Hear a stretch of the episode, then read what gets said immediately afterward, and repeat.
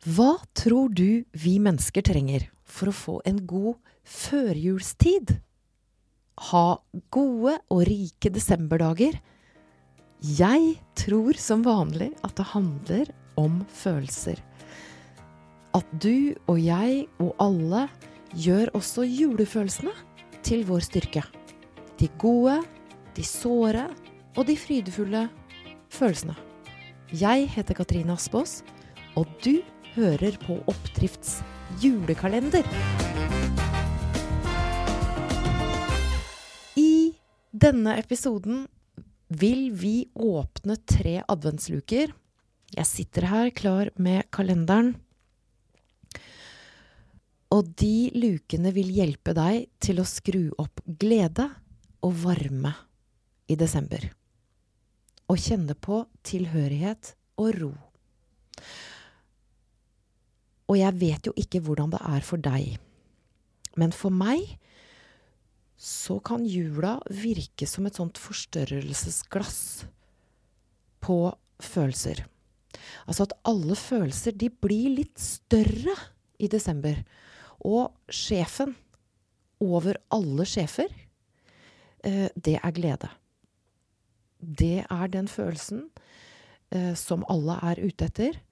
Gleden er velkommen overalt. Gleden får ubegrenset spillerom. Glade jul og jul med din glede. Og det er helt nydelig. Altså hvis den ikke fortrenger andre rike følelser, som julelengselen, for eksempel. Eller julesorgen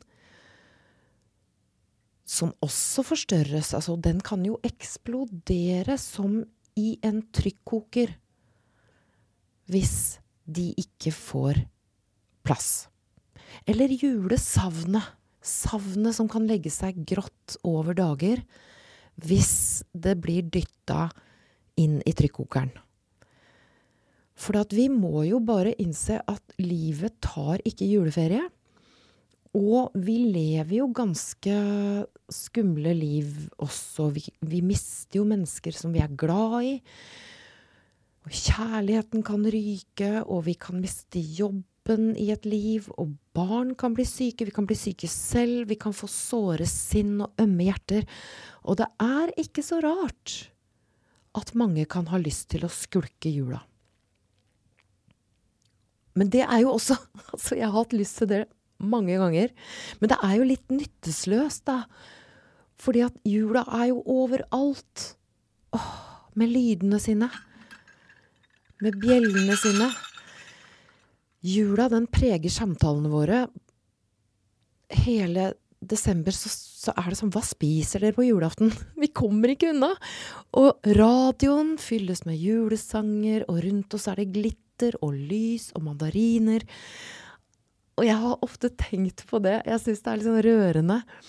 Jeg har tenkt på det at tida før jul, det er litt sånn som jeg husker bursdagsselskapet etter at den svære godteposen har blitt delt ut. Altså den som sender festen ut i et kollektivt sukkersjokk uh, før alle begynner å grine eller slåss. av forvirring og høyt blodsukker. Så det som er hensikten med lukene våre, det er at vi Du kommer til å få tre små juleverktøy som skaper ro og glede og tilhørighet. Og den første luka, for det passer veldig godt å gå inn, uh, når alle slåss og griner Fordi første luke Nå åpner jeg den. Jeg sitter her med med Skal vi se Med kalenderen. Her. Bak luke én så er det tårene. Altså juletårene. De mektige, forløsende, vonde, gode tårene. For mange er tårene kulturelt forbudt, altså som et sånt tegn på svakhet. Men forskningen, og det er det som er så deilig, at vi har fått forskning, viser altså hvor bra det er for oss å la de tårene få lov til å komme. De forløser følelsen av stress. Uh, og de smører øya, så det er fysisk bra for øyet å, å la tårene komme. For det, det, er stoffer i tårene som dreper bakterier. Og så er det også nydelig at tårene utløser det som kalles kjærlighetshormonet, oksytocin. Og tårer øker også følelsen av ømhet. Kan øke følelsen av ømhet. Så bak luke én, der er tårene. For kjenner du dem komme? De er lett tilgjengelig, de òg. Altså, hva om vi lar dem tine den der indre frosten, hvis den skulle være der? Eh, tine av eh, den indre fryseboksen. Minne oss på at tårer, det er sjelens vanningsanlegg så la dem renne. Hilsen eh, ganske grunnleggende forskning fra både Harvard og Yale. Så kommer luke nummer to. Her er den. Her står det Hva vil du tillate deg? Tillatelseslapper i desember og det har jeg lært av min viktigste emosjonelle styrketrener, professor Brené Brown. Hun skriver tillatelseslapper til seg sjøl. Hva vil du tillate deg i desember? Kjenn etter akkurat nå når du sitter her. Hva er det du er det du som trenger påminnelse om at du ønsker å tillate deg? Og jeg kan jo dele hva jeg, eh, litt av det jeg tenker å tillate meg. Jeg kommer til å kjøpe absolutt alle eh, kaker, bortsett fra pepperkakehuset. Det er, det er veldig fint å lage for meg. Så det er én ting jeg kommer til å tillate meg. Og så har jeg tenkt å tillate meg, som vanlig i desember, å være ukul. Og da snakker vi filt og nisser og stjerner. Altså, vi snakker ikke designerhjul her hos meg. Og, og jeg må bare være veldig forsiktig. For det, det, kan jo være du har lyst til å tillate deg å ha designerhjul. Og det kan være jeg har tenkt å tillate meg det neste jul. Men i år så blir det filt og nisser og stjerner og sånn lim på utsiden av uh, av fyrstikkeskene som jeg lager til eh, kjære og nære og kjente som jeg har med. Så altså være ukul. Og så har jeg tenkt å hvile. Jeg har tenkt å tillate meg å hvile. Sånn Og da mener jeg jule... Altså i sånn flanell julepysj. Gjerne med hette og horn. Altså alt som, alt som kan skape glede. Hvile. Takke nei. Så tenk etter. Hva har, du, hva har du lyst til å tillate deg i desember? Det skaper oppdrift. Tillatelseslapper. Du kan lage så mange du vil. Og så gjør vi oss klar for luke nummer tre. Da er vi tilbake. Jeg, jeg har en kalender her en sånn gammeldags kalender. Åpner vi. Der er det glede.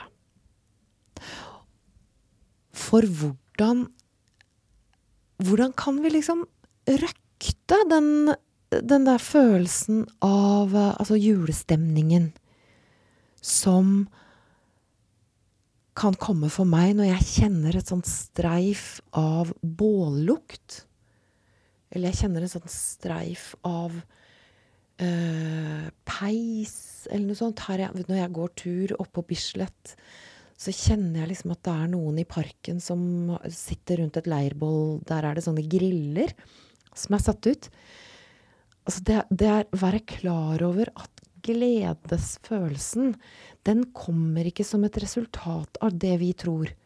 altså av masse venner, eller en perfekt familie, eller masse fester. Den, den der følelsen av glede, den dyrkes frem i små øyeblikk. Det kan være en, en uventet liten samtale på butikken.